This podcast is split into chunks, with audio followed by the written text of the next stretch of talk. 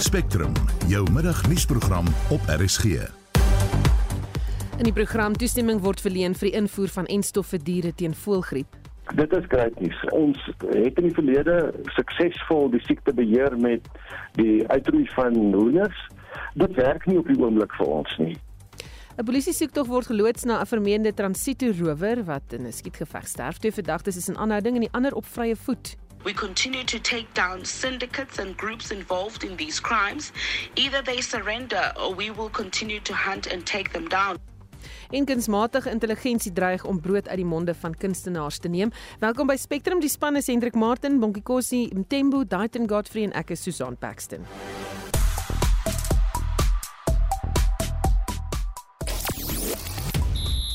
Vroue Proteas op soek na 'n reeksege teen Nieu-Seeland in Pietermaritzburg terwyl ons manskaptein Themba Bavuma vir familieredes uit Indië teruggekeer het op die vooraan van die Cricket Wêreldbeker.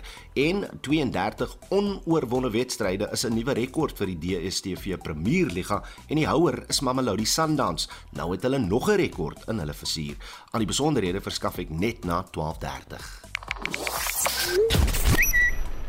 Op X praat gebruikers onder die hitsmerk Unisa na die hoofregter Raymond Zondo 'n ere doktorsgraad van die universiteit ontvang het. In sy toespraak het hy die goed en die sleg van 30 jaar se demokrasie beklemtoon.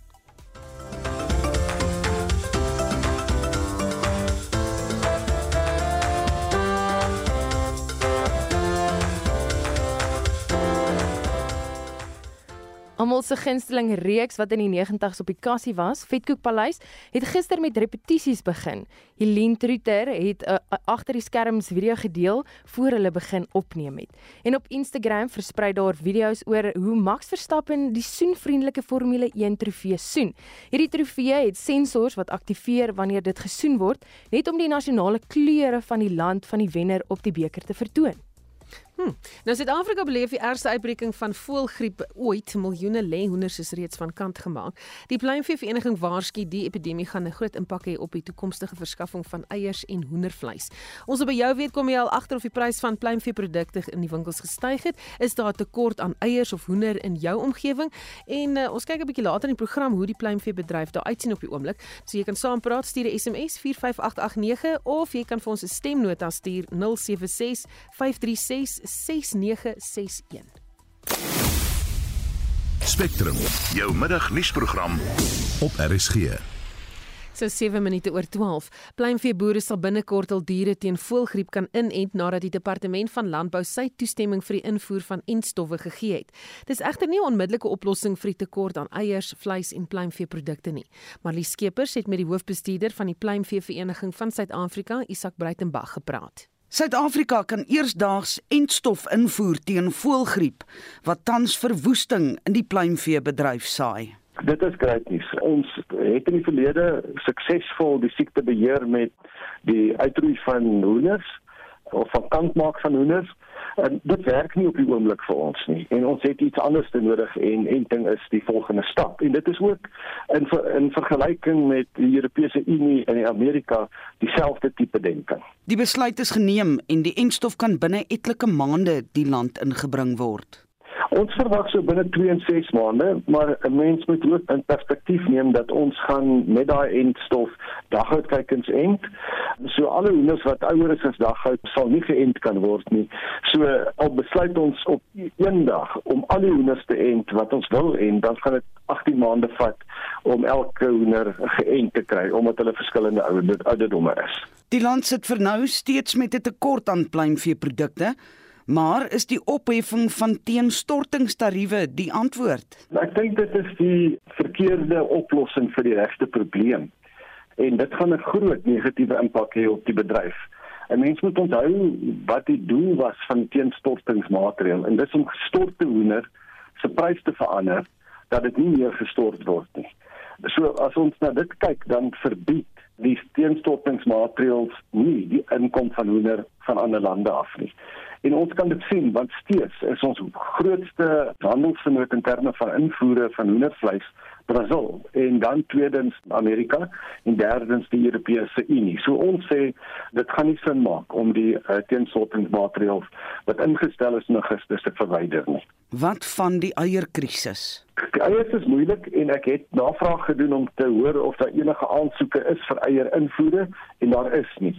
So ehm um, daar's nie op die oomblik uh, produsente wat wil invoer of geregistreerde invoerders wat wil eiers invoer nie. So ons gaan daar 'n netto tekort hê. Wat wel aan die gebeur is, is aan die braaikykingkant en die verskaffing van vleiskant. Ehm um, is daar aansoeke in vir 11,5 miljoen bevrugte eiers om die land in te kom. En ons gebruik hier bevrugte eiers, ons sit dit in 'n in 'n broeimasjien en dit wat uitbroei is braaikuikens en ons produseer vleis daarvan. So um, alhoewel ons die eiers invoer vir vir tafeleiers doeleindes nie voer ons 11.5 miljoen ehm um, uh, bevrugte eiers in. Die voëlgriep-uitbreking het nie net 'n invloed op die verbruiker nie. Talle klein boere gaan weens die siekte nie weer die mas opkom nie. Uh, dit dit gaan gebeur. Ehm um, ons struktuur in die braaikykking bedryf is dat dit dit meestal geïntegreerde groot maatskappye is en hulle kry geweldig swaar met die uitbraak van die siekte en al die hoenders wat ons doodmaak, die kostes daarvan, die kostes van skoonmaak, die logistiek daarvan. Hulle sukkel regtig baie. Maar dan aan die kommersiële lekkant sien ons nie so baie geïntegreerde maatskappye nie. Ons sien eenmansake En baie van hierdie eenmansake het elke hoender wat hy besit het in hierdie uitbraak verloor. En hy sit nou met met 'n plaas vol hoenderhokke met geen hoenders op die plaas nie wat hy nou weer moet vol hoender maak. En en dit is geweldig uh, koste uh, hoë koste om dit te doen. So ons sien boere wat gaan uitboer. Dit was die hoofbestuurder van die Pluimvee Vereniging van Suid-Afrika, Isak Breitenberg, en ek is Marlies Skeepers vir SAK nuus. Die voormalige adjunkminister van buitelandse sake van 1994 tot 2008, asook 'n ANC-veteraan Aziz Bahat is gisteraand in die ouderdom van 82 jaar oud oorlede. Ons praat nou met 'n groot vriend van Bahat en voormalige diplomaat Gert Grobler. Goeiemôre Gert.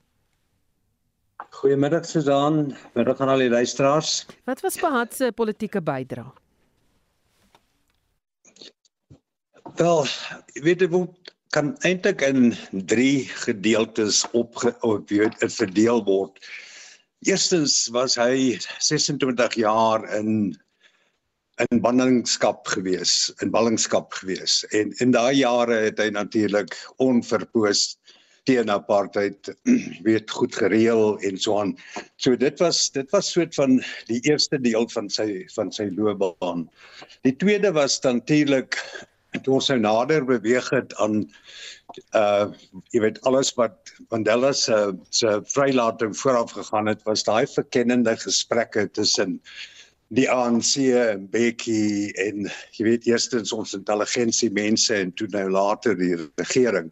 Daar was uh met daai gesprekke was het Aziz 'n uh, ongelooflike belangrike rol gespeel om te, om 'n bydrae te lewer tot die tot die daai oorgang. En natuurlik toe dan na 19 na 1994 toe hy adjunkminister van van buitelandse sake geword en hy daar ook aanvanklik baie belangrike rol gespeel om die ou ehm um, departement van buitelandse sake en die ANC se internasionale departemente integreer wat nie maklik was nie maar omdat hy so 'n wonderlike innemende mens was het hy het hy daarin geslaag het dit het baie vlot verloop. So dit was die 3 kom ons sê fases van die belangrike bydrae wat Aziz Baat gelewer het in Suid-Afrika. Hm. Wat is die grootste les wat jy by Baat geleer het? Wel, eerstens het hy al die eienskappe wat wat 'n goeie diplomaat moet hê. Uh het hy net gehad. Hy was 'n verskriklike innemende en vriendelike mens en 'n meelewende mens. En hy het uitgereik na almal om hom. So dit dit dit het vir hom natuurlik hy was 'n mens van van van van die hoogste integriteit. Hy het so aan die ou skool van die ANC behoort en uh die Mandela mense en so voorts. So ek het ek het in in nie net daai eienskappe van hom nie was was vir ons almal vir ons almal 'n voorbeeld en hy het ontsettend hard gewerk. Hy het onverpoost gewerk en hy het gelees en maar hy het uit uitgereik na mense en hy het geglo in diplomatie en geglo in dialoog. En ek dink dis een van die belangrikste dinge wat wat almal van ons wat saam met hom gewerk het by hom geleer het. Hm. Baie dankie. Dit was 'n voormalige diplomaat en vriend van Aziz Bahad, Gert Grobler. Soos ons in die verkeer gehoor het, bly die M1 suid na die Boysens afrit in Johannesburg gesluit na gisternag se skietgeveg tussen die polisie en transito rowers. Die rooftog het gistermiddag in Springs oos van Johannesburg plaasgevind toe gewapende verdagtes 'n transito voertuig gedwing het om tot stilstand te kom. Die veiligheidswagte het pas geld by verskeie plekke opgelaai en was op pad na hulle basis toe die rowers hulle voertuig tot stilstand gedwing het. Die wagte is ontwapen en hul voertuigs met plofstof opgeblaas. 'n Skietgeveg met die verdagtes het gevolg wat op die M1 suid gevlug het. Een verdagte is op die toneel dood verklaar terwyl twee ander aangekeer is. Een polisiebeampte is gewond en sterk in die hospitaal aan. Die polisiewoordvoerder, Atlenda Mate, sê soektog na die ander verdagtes is aan die gang. Three rifles were recovered, cash and two cell phones have been seized. Two empty cash bags, as well as implements used in armed robberies, were found in their getaway vehicle. A manhunt is still underway for the remaining suspects. During the shootout, one police officer sustained a gunshot wound and is recovering in hospital. Well done to the team for the swift reaction. Sy sê verkeer word op die M1 suid by die Boysens afrit herlei. Die ryvlak van Ormond tot by Gold Reef City is vir verkeer gesluit. Motoriste word gevra om alternatiewe roetes te gebruik omdat die M1 nou 'n misdaadtoneel is. Mate sê verder die polisie is besig om daadkragtig teen misdadigers op te tree. Well done to the team for the swift reaction. We continue to deal decisively with serious and violent crime in various provinces. We continue to take down syndicates and groups involved in these crimes. Either they surrender or we will continue to hunt and take them down. Dit was die polisiewoordvoerder Atlenda Mate. Ek is Hendrik Martin vir SAK nuus. Jy luister na Spectrum. Elke week saterdag tussen 12 en 1 is na 18 minute oor 12 en kollega Martelies brink laat weet daar's 'n groot probleem op die N1 inwaarts na Kaapstad se kant toe. Sy sê sy dink dis 'n ongeluk en uh, die verkeer staan stil vanaf Canal Walk se afdraai. Tans 40 minute ekstra tyd volgens die GPS wat jy nodig het as jy daar wil ry. So Martelies, jy moet maar laat weet as ons moet instaan en musiek speel en soveel wag tot jy in die kantoor kom. Maar dankie dat laat weet dit dis in die N1 inwaarts af van Canal Walk af waar die verkeer staan. Dis nog nie hoofregter Raymond Zondo tydens die aspirant vroue regtersprogram onlangs onlangs vertel dat hy na die Zondo-verslag bekend gemaak is uh, en die steek gelaat is deur die regering om hom te beskerm teen die wat nie saam met die verslag gestem het nie. Zondo het tydens die toespraak verduidelik hoe die kantoor van die staatsadvokaat gesê dat hy nie kapasiteit het om hom te verdedig teen hofaansoeke deur mense wat in die verslag geïmpliseer is nie, maar dat hulle regshulp van buite sal kry. Zondo vertel selfs dit het nie gebeur nie. Kom ons luister na 'n uittreksel van die storie. Ja, ek voel ons het 'n probleem daar, nie die klank nie. Ehm um, ons praat nou met professor Koos Malan, konstitusionele jurist en genoot by Sakeliga oor hierdie gebeure. Goeiemôre Koos. Goeiemôre uh, Susan. Goed, so regter Zondo het in hierdie toespraak van hom gepraat oor wat gebeur het en hoe hy gedagvaar is na die uh, Zondo verslag uitgereik is en dat hy toe uiteindelik moes gaan self hulp vra by advokate, ag en prokureurs om hom te verdedig want die want die staat wou net nie. Wat is jou indrukke van wat hier gebeur het? Wel is baie negatief uh, en dit dui op uh, groeiende en aanhoudende spanning as dit ware tussen die sondekommissie en meer bepaald tussen die hoofregter aan die een kant en die regering aan die ander kant. Uh, laat ek dit verduidelik. Uh, ons het te doen hierso met die staatsprokureur. Wanneer ook al die staat op die een of ander wyse in gedrang is, wanneer daar 'n uh, aansoek is, 'n hofaansoek is teen die staat of wanneer die staat gedagvaar word, dan het die staat sy eie prokureur. Dit is die kantoor van die staatsprokureur wat uh, wat, wat toentertyd uh, altyd 'n baie hoë aansien gehad het. Nou in hierdie geval het 'n aantal persone aangedui dat hulle die bevindinge van die Zondo-kommissie uh, op hersiening wil neem. Hulle dat hulle dit wil uh, betwis en tersyde wil laat stel. So die aangewese wyse uh, die aangewese um, weg in daai geval was vir uh, regter Zondo en vir die kommissie om inderdaad hulle te beroep op die staatsprokureur uh, om as prokureur namens hulle op te tree Uh, dit is die basiese werk van die staatsprokureur. Dis nie iets bykomend nie. Dit is die kern van die staatsprokureur se werk. Nou wat hier gebeur het volgens die berig wat ek uh, gesien het, uh, trouens dit, dit was 'n uh, verbatim aanhaling van die uh, hoofregter, het die staatsprokureur toe mettertyd aangedui dat hulle nie in staat is uh, om hom te help nie, uh, omdat hulle nie oor kapasiteit beskik nie.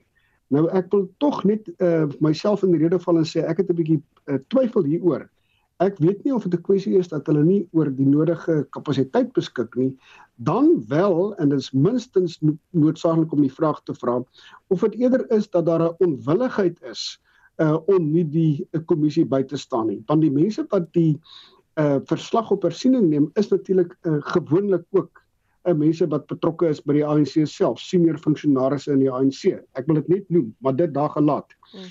Die gevolg daarvan is dat die uh dat die dat die sondekommissie uh sonde by name self ook uh noodwendig sy toevlug moes neem na privaat prokureurs en advokate om vir hom in te staan.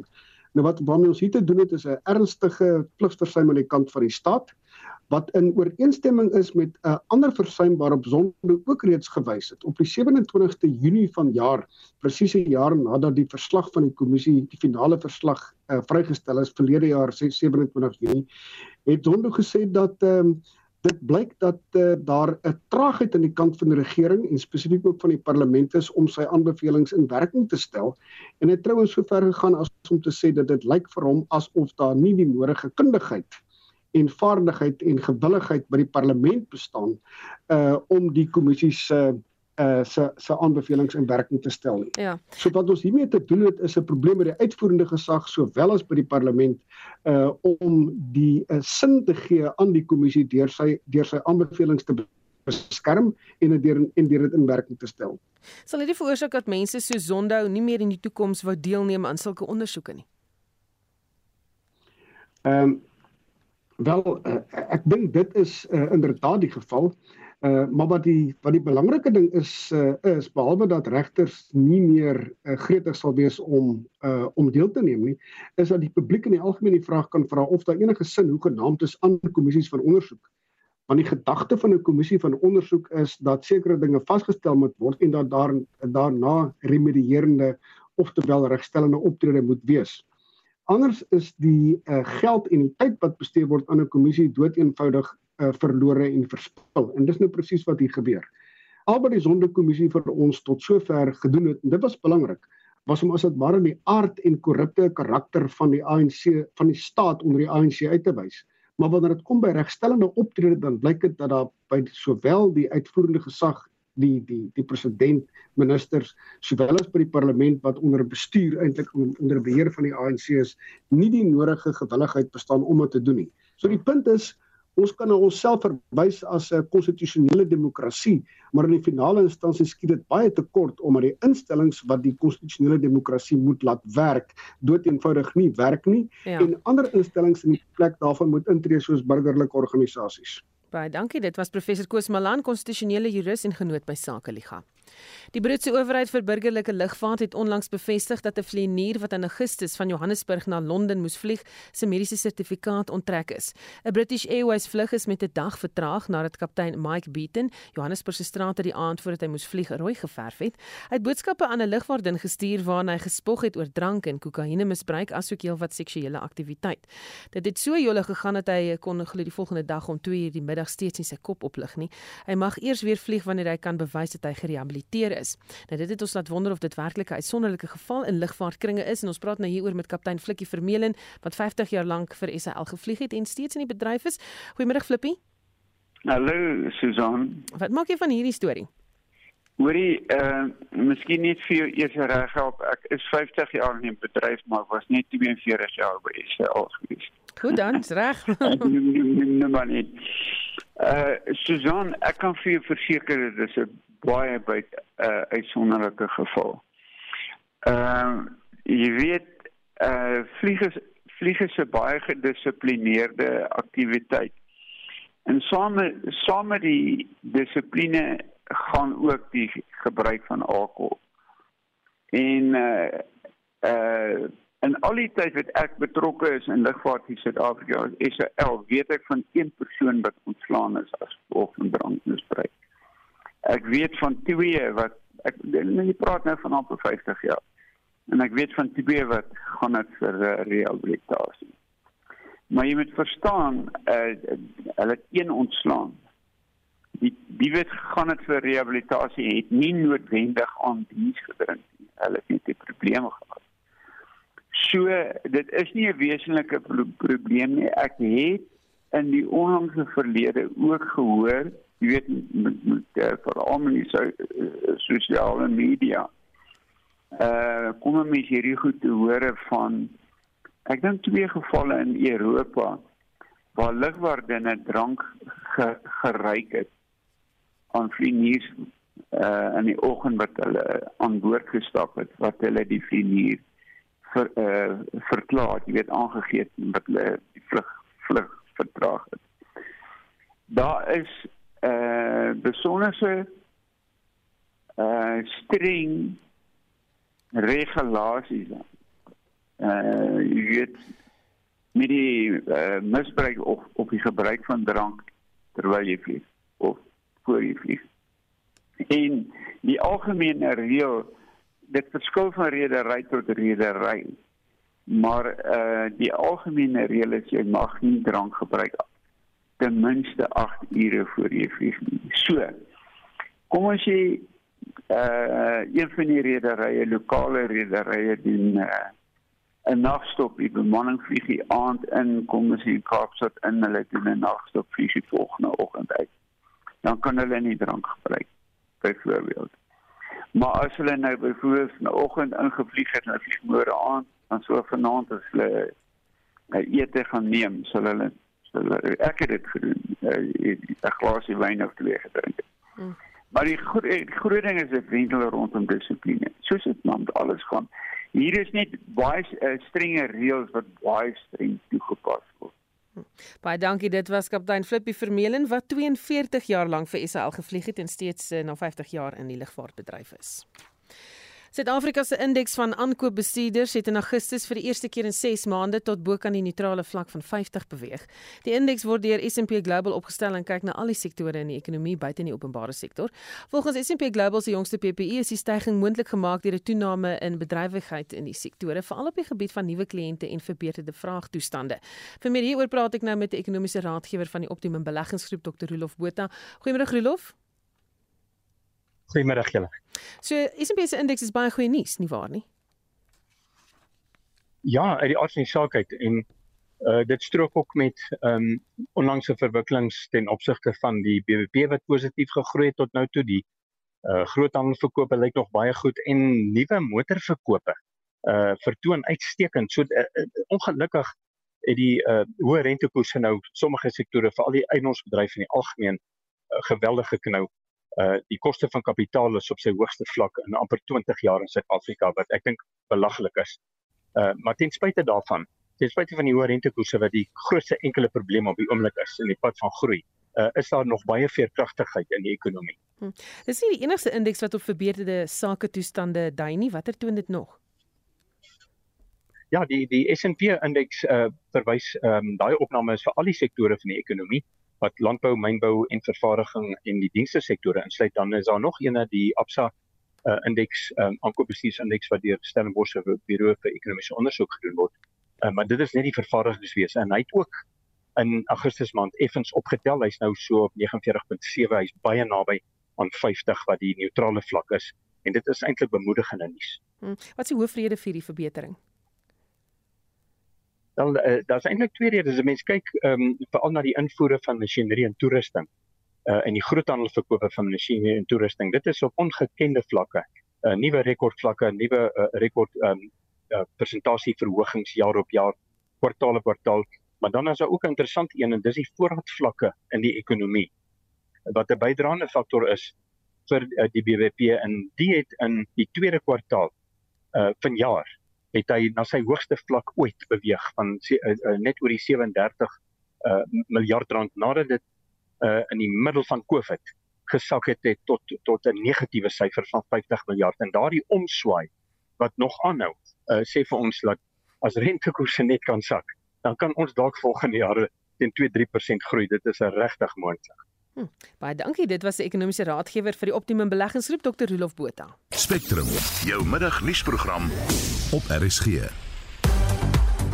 Nog in die nuus twee vermeende rowers is gewond tydens 'n skietery met die polisie in Mbilo in Durban. 'n Groep van 5 het 'n drankwinkel beroof en van die toneel weggevlug.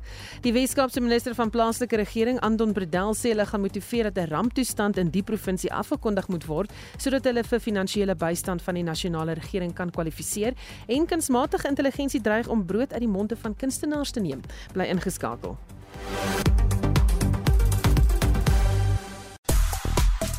Goed, so ons praat oor pluimvee, natuurlik die voëlgriep en of jy enige prysstygings uh, gesien het en ek sien dat Sonja Stevens van Gouda sê ek het so uur gelede eiers en hoender by 'n groot kettingwinkel gekoop.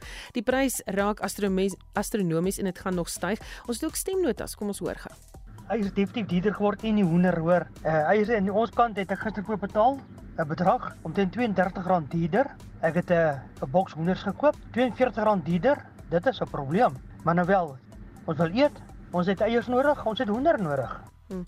En Loukie van Ermelo sê ek was gister by die winkel waar ek eiers gekoop het. 2 weke gelede was dit uh, so, eiers van so 30 eiers, is dit R45, gister R85. Jy kan steeds saamgesels as jy wil 45889 SMS se kos R1.50 en jy kan op ons stemnota stuur. En Udo Karel se sluit nou by ons aan en ons begin met die cricket nuus. Goeiemiddag Udo. Middag Susan. En die vrou Proteas is op soek na 'n reeks sege teen uh, Nieu-Seeland in Pietermaritzburg. Ja, die Proteas kaptein Lore Walvaart het die lood vir vanoggend gewen en besluit om eerste te bou die jongste telling daar in die Seeland 203 vir die verlies van 8 paaltjies. Dis nou in die 44ste balbeurt en die linksdraaier eh, Nonkululeko Mlaba uitstekende ontleding vir haar van 3 eh, vir 41 in haar 10 balbeurte. Dan het dit ook vroeg vanoggend aan die lig gekom dat die manskaptein Themba Bavuma uit Indië teruggekeer het weens familieredes. Hy sal dis die span se twee opwarmingswedstryde vir die wêreld Wêreldbeker misloop. Ons speel môre vanaf 11:30 teen Afghanistan en dan maandag dieselfde tyd teen Nieu-Seeland. Daar word reeds in Suid-Afrika berig dat Bavuma wel betyds by die span sal aansluit om gereed te wees vir die Proteas se eerste Wêreldbeker kragmeter teen Sri Lanka dis nou volgende donderdag. Nou verlede seisoen het Mamelodi Sundowns amper al wat 'n rekord is verpletter en hierdie seisoen blyk dit dieselfde te wees. Absolute 3-1 oorwinning gisteraand in gietende reën in Pretoria verseker toe dat Sundowns bo aan die punte leer van die DStv Premierliga bly, maar nou met 10 punte, maar die oorwinning merk toe ook al 32ste wedstryd sonder nederlaag wat nou amptelik 'n nuwe rekord is vir die Liga. Sundowns het ook die seisoen afgeskop met 8 agtereenvolgende oorwinnings, wat dan Kaizer Chiefs se rekord van 2015 ewenaar.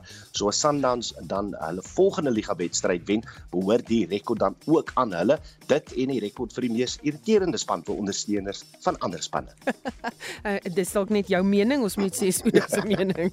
Goed, wat uh, die rugby wêreldbeker betref, gaan Suid-Afrika seker soos een wesen Sondag asem ophou wanneer die bokke hulle eerste straf strafskop wen Sondag teen Tsonga. Ja, absoluut. Eh, 'n uh, Goeie paletjieskop vir Suid-Afrika by 'n Wêreldbeker was maar altyd 'n gegewe Susan, maar die uh, span probeer al die afgelope jaar sy spelstyl net so bietjie afwissel met Mani Libok wat eh, 'n uh, belangrike verdediger en aanvaller is, maar nie noodwendig die beste skopperpale toe nie. Maar die res van die bokskopvoete, uh, dit moet uh, bygevoeg word by die Wêreldbeker. Hulle het ook so bietjie klei getrap. Damien Willemse is eintlik sover ons beste met 'n slaagsyfer van 74% met ander woorde 5 uit 7 skoppe pale toe uh, was hy suksesvol, maar dit het teen Roemenië gekom toe hy loskakel gespeel het. Faf en Mani, hulle dryp ongelukkig met 3 uit 8 suksesvolle skoppe, dis om en by 34%. Nou hierdie naweek is Andre Pallard terug vir sy eerste begin in 'n rugbywedstryd sedert Augustus 2022 uh, en dit by 'n wêreldbeker. So die uitdaging is massief. Nou afrigter Jacques Ninaber het uh, hierdie week aan verslaggewers gesê hy sien uit na hoe Pallard sal inpas by hulle aangepaste spelstyl. Wat dalk 'n aanduiding is dat hy uh die die aangepaste spelstyl nog nie wil prysgee vir 'n doelskopper wie se korrelpale toe 'n bietjie beter is nie. Met ander woorde, die uitdaging wat dan vir Pollard voorlê is nie net oor of hy beter pale toeskop as Mani Faf en Damian nie, maar of hy na sy besering kan aanpas by hoe die Bokke wil speel. En net om my af te sluit, uh, die dag se enigste wedstryd in die Wêreldbeker, hy vind vanaand 9uur plaas. Japan speel teen Samoa in 'n wedstryd wat 'n massiewe rol gaan speel ten opsigte van wie moontlik by Engeland in groep D sal aansluit in die kwart eindstryd. En dit was Udo Karlse. Jy luister na Spectrum. Elke week saterdag tussen 12 en 1. Die gevaar bestaan dat 'n tweede slukdam by Jagersfontein in die Vrystaat se wal kan ingee. Boonop is bouwerk aan diegene wie se huise tydens verlede jaar se ramp vernietig is opgeskort. Ons praat nou met 'n DEA-lid van die provinsiale wetgewer, Leona Kleinhans hieroor. Goeiemôre Leona. Goeiemiddag Marlies. Uh, dis Susan wat praat, maar sê vir my hoe ernstig is die gevaar dat die tweede dam sal meegee? Ja. Ehm um, gister tydens die vergadering van die portefeulje komitee, ehm um, is daar 'n ver, verslag ehm um, gedien deur die departement van water en sanitasie. Hulle is lyk my nou in beheer daarvan die eintlike dambedrywighede of die mynbedrywighede in die water wat uitgeloop het en so voort. Nou hulle het op die 12de September verlede jaar reeds uh, direktiewe uitgereik aan hierdie maatskappy om onmiddellik hulle bedrywighede te staak en te begin om die want bo op hierdie koppie is daar drie damme. Net een van hulle het verlede jaar meegegee en dit het die gevolg gehad dat omtrent 120 huise uh, geaffekteer is. Ehm um, nou daar is twee ander damme en daar is 'n groot gevaar dat die tweede dam ook kan meegee. So is daar verlede jaar alreeds vir die maatskappy gesê om te begin om daai dam leeg te pomp om ontslae te raak van die sluk wat daar binne is. Dit het baie stadig begin en die departement het toe gesê nee, julle moet uh, groter pompe inbring sodat dit vinniger uh, leeg gepomp kan word. Uh dit het toe gebeur, die groot pompe is toe ingebring en so pomp hulle nou nog steeds die sluk daar uit. Hmm. Maar ehm um, dit hang alles natuurlik af nou van uh die reën seisoen wat voor lê en as daar nou groot reën sou 'n uh, groot reën uitval sou wees in daai omgewing dan uh vergroot dit die gevaar. Daar is uh, saam met die Universiteit van Pretoria en uh Wits Universiteit is daar ehm um, wetenskaplikes aangestel wat modellering gedoen het van wat sou gebeur as daai tweede dam dan nou breek. En uh uh hulle sê dit hang af van die dikte van die sluk. As die sluk nou baie vloeibaar is, dan kan dit 'n baie groot area affekteer ehm um, as die sluk baie dik is dan sal dit nou nie so ver kan hmm. loop nie. Leona sê so, vir my 'n baie ingewikkelde wetenskaplike ja. besigheid, maar ja. Kan ek gou vir jou vra wat nou van die mense wie se huise reeds verwoes is? Ehm um, daar is mense wat hulle huis uh, huise heeltemal verloor het. Daar is ander wie se huise net beskadig is. Hulle is ehm um, aanvanklik in hotelle in Bloemfontein uh, geakkommodeer maar ek glo hulle almal is nou uit die hotelle uit en terug in die gemeenskap van hulle het probeer nou om hulle huise reg te maak en probeer daar bly. Ehm uh, maar die probleem is die modellering wat nou uitgewys word deur die departement is dat hulle eintlik nie weer kan bou waar hulle was nie. Ehm um, vir twee redes. Die een is omdat hulle ehm um, geen waarborg het oor die toestand van die die grond nie en of hulle nou wel ordentlike fondasies daar kan bou nie uh, as gevolg van die verlede jaar se ramp. Ja. Die tweede gevaar is natuurlik dat hierdie tweede dam kan meegee en dan voorspoel hulle huise weer. Baie dankie, dit was die diaal lid van die Vrystaatse wetgewer Leona Kleinhans. Kunsmatige intelligensie en die invloed wat dit op ons lewens kan hê word 'n al groter kwessie. Die jongste vraagstuk hieroor is deur die Writers Guild of America uitgelig. Kunstenaars het gestaak vir salarisverhogings en hulle bekommernis oor die gebruik van KI wat dan later hulle werk sal oorneem of dat hulle nie vergoed sal word wanneer KI gebruik word om soortgelyke werk te skep nie. Intussen is die skep van programme om kuns soos skilderye met KI te skep ook onder die soeklig. Is dit dan werklik kuns is die vraag. Ons praat met Dr Tanya de Villiers Botha, sy is 'n senior lektor in die departement filosofie en hoof van die eenheid vir die etiek van tegnologie in die sentrum vir toegepaste etiek en koördineerder van die navorsingsgroep vir data en rekenaaretiek. Goeiemôre Tanya. Goeiemôre. Die etiese vraagstuk wat betref KI en die aanwending daarvan raak 'n baie vinnige al groter kwessie. Hoe moet dit benader word? Oh, wel, dis 'n baie goeie vraag. So, ehm um, dit hang af van die van die ehm um, veld waarin die die vraagstuk ontstaan dink ek. So, ehm um, dit is is nou 'n baie goeie groot vraagstuk in die konteks van kuns en kunsprodukte. Maar ek dink dit gaan al groter ehm um, 'n al groter vraagstuk vraagstuk in baie verskillende kontekste raak. En ons sal moet moet begin vra, ehm um, wat is wat is vir ons belangrik? Ehm um, uh, die koste-effektiwiteit byvoorbeeld of ehm um, die produkte van menslike handewerk. Hmm. Mense is veral bang dat hulle ontneem word van werk en inkomste. Is dit 'n geldige vrees? Dit is 'n geldige vrees, ehm um, veral nou in die konteks van van die kreatiewe kunste. Ehm um, KI kan 'n redelike goeie ehm um, afbeelding of simulering van van verskeie tipe van kunswerke maak.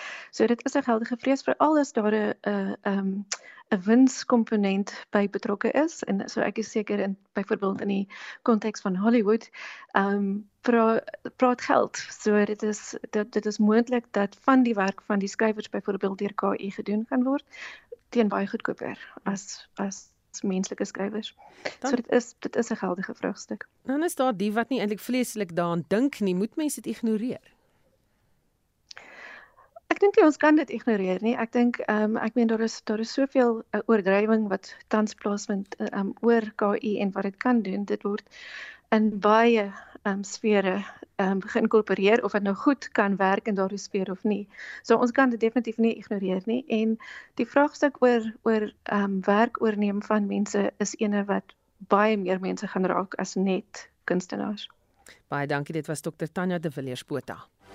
Spectrum, jou middagnuusprogram op RSG.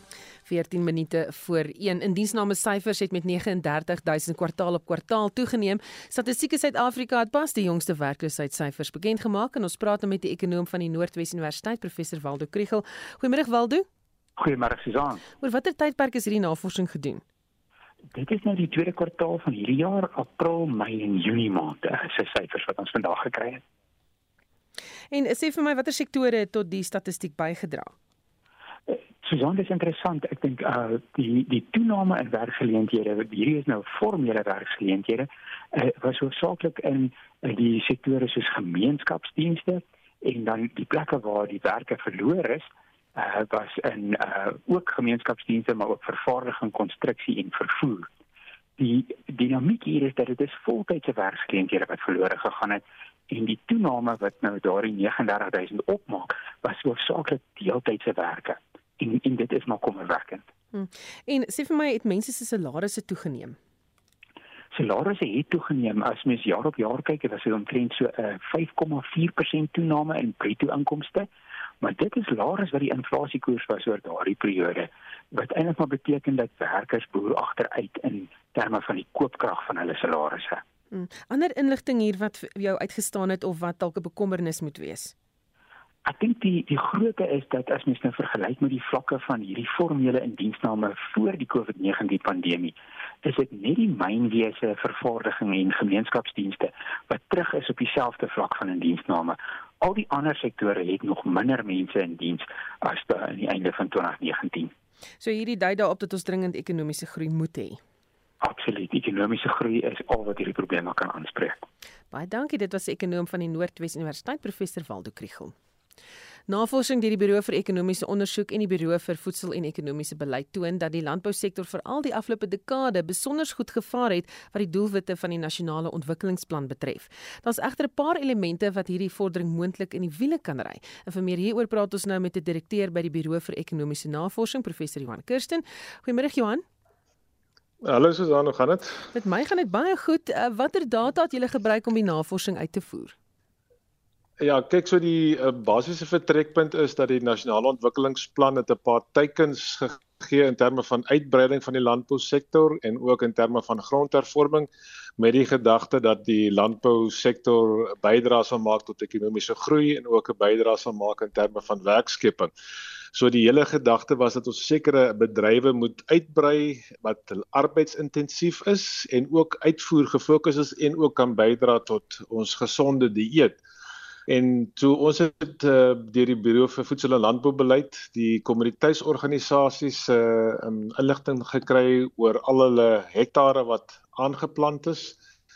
Ehm um, en dit is ehm um, dan baie interessant om te sien hoe die teikens dan ver oorskry is in sekere van ons eh, tuinbou sektore en dan die ander data wat ons gebruik het is natuurlik die titelaktes oordragte vir die grondtransaksies want ons glo nie al die syfers wat uit die staat se uh um amptelike syfers uitkom nie so ek het 'n span wat saam met my werk Johan Borman en sy kollegas wat kyk na spesifiek al die tra transaksies wat gedoen is die afgelope twee dekades uh, in landbou grond. Ja, die verbou van sojabone en die prosesering daarvan in Suid-Afrika is een van uh, landbou se onlangse suksesverhale. Vertel ons 'n bietjie daarvan. Ja, dit is uh, um, interessant wat die Proteïen Navorsingsstigtinge destyds die oogmerk gehad om selfvoorsienend te wees in in sojaboonproduksie en dit het merkwaardig gebeur hoe in in die afgelope tyd um, sedit die teiken gestel is vir 376000 hektaar nuwe aanplantings van sojabone het ons nou al 453000 uh, bereik. 120% van die teiken is is bereik. Wat beteken dat Suid-Afrika nou vir die eerste keer genoeg sojaboon en sojaboonmeel en sojaboonolie-koek produseer vir plaaslike gebruik? So ons is nou eintlik onafhanklik van van invoere. Dit is 'n interessante verwikkeling want sojabone is tog 'n belangrike deel van ons veevoer uh, samestelling en uh vir Suid-Afrika om daardeur sy betalingsbalans eintlik te verbeter. Maar die meer interessante goed gebeur in die tuinbou nê, um, as jy kyk na sitrus waar 250% van die teiken van 15000 hektaar uh, bereik is makadamias is 'n massiewe stygings van 400% amper en dan appels en tafeldrywe uh, wat ons ook 'n uh, fantastiese suksesbale. So al hierdie bedrywe wat uitvoer gefokus is, wat wat arbeidsintensief maar ook kapitaalintensief is, het geweldig uitgebrei. Jy maak ook melding van die vordering van grondhervorming. Waar trek die land wat julle data betref? Ja, so die frustrasie wat ek oor die jare het is dat ons het geen volledige prentjie van wat ons werklik gedoen het in terme van grondhervorming nie. Ons het 'n teiken gestel van 30% van alle landbegrond wat in titelaktes gedefinieer is in in blank Suid-Afrika. Dit uh, in, in totaal is dit rofweg 77 miljoen hektaar.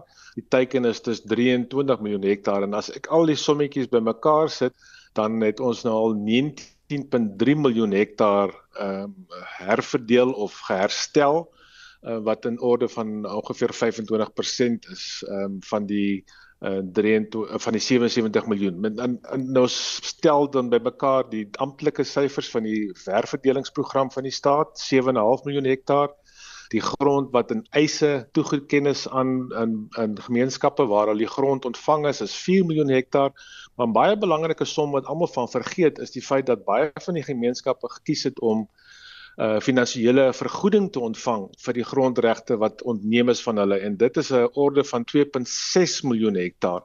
En dan die laaste ruk het die staat ook 2.5 miljoen hektaar aangekoop vir herverdeling, maar nooit dit herverdeel nie. Dit lê nog in die staat se rekening. En dan vergeet ons van baie individuele swart persone wat self grond aankoop sonder dat hulle met die staat besigheid doen en dit is amper 2 miljoen hektaar. En as jy met al die goed bymekaar tel, dan kom jy by 19.3 ja. miljoen hektaar uit wat wat 'n massiewe vordering is wat wat ons as uh, ges, gesamentlik tussen staat en privaat sektor behaal het. Baie dankie. Dit was die direkteur by die Buro vir Ekonomiese Navorsing, professor Johan Kirsten. Marlies Skeepers het vir ons die jongste nuus en ontwikkelende stories. In die afgelope 2 dae het 2 maande se reënval in die Wes-Kaap uitgesak. Die skade is so erg dat die Wes-Kaapse minister van plaaslike regering, Anton Bredel, ramptoestand wil laat afkondig. Die klimatoloog Dr Pieter Johnston sê die voorkoms van 'n uitsonderlike laagdrukstelsel wat aan die Weskus gevorm het, het tot die stortreën en gure weerstoestande gelei.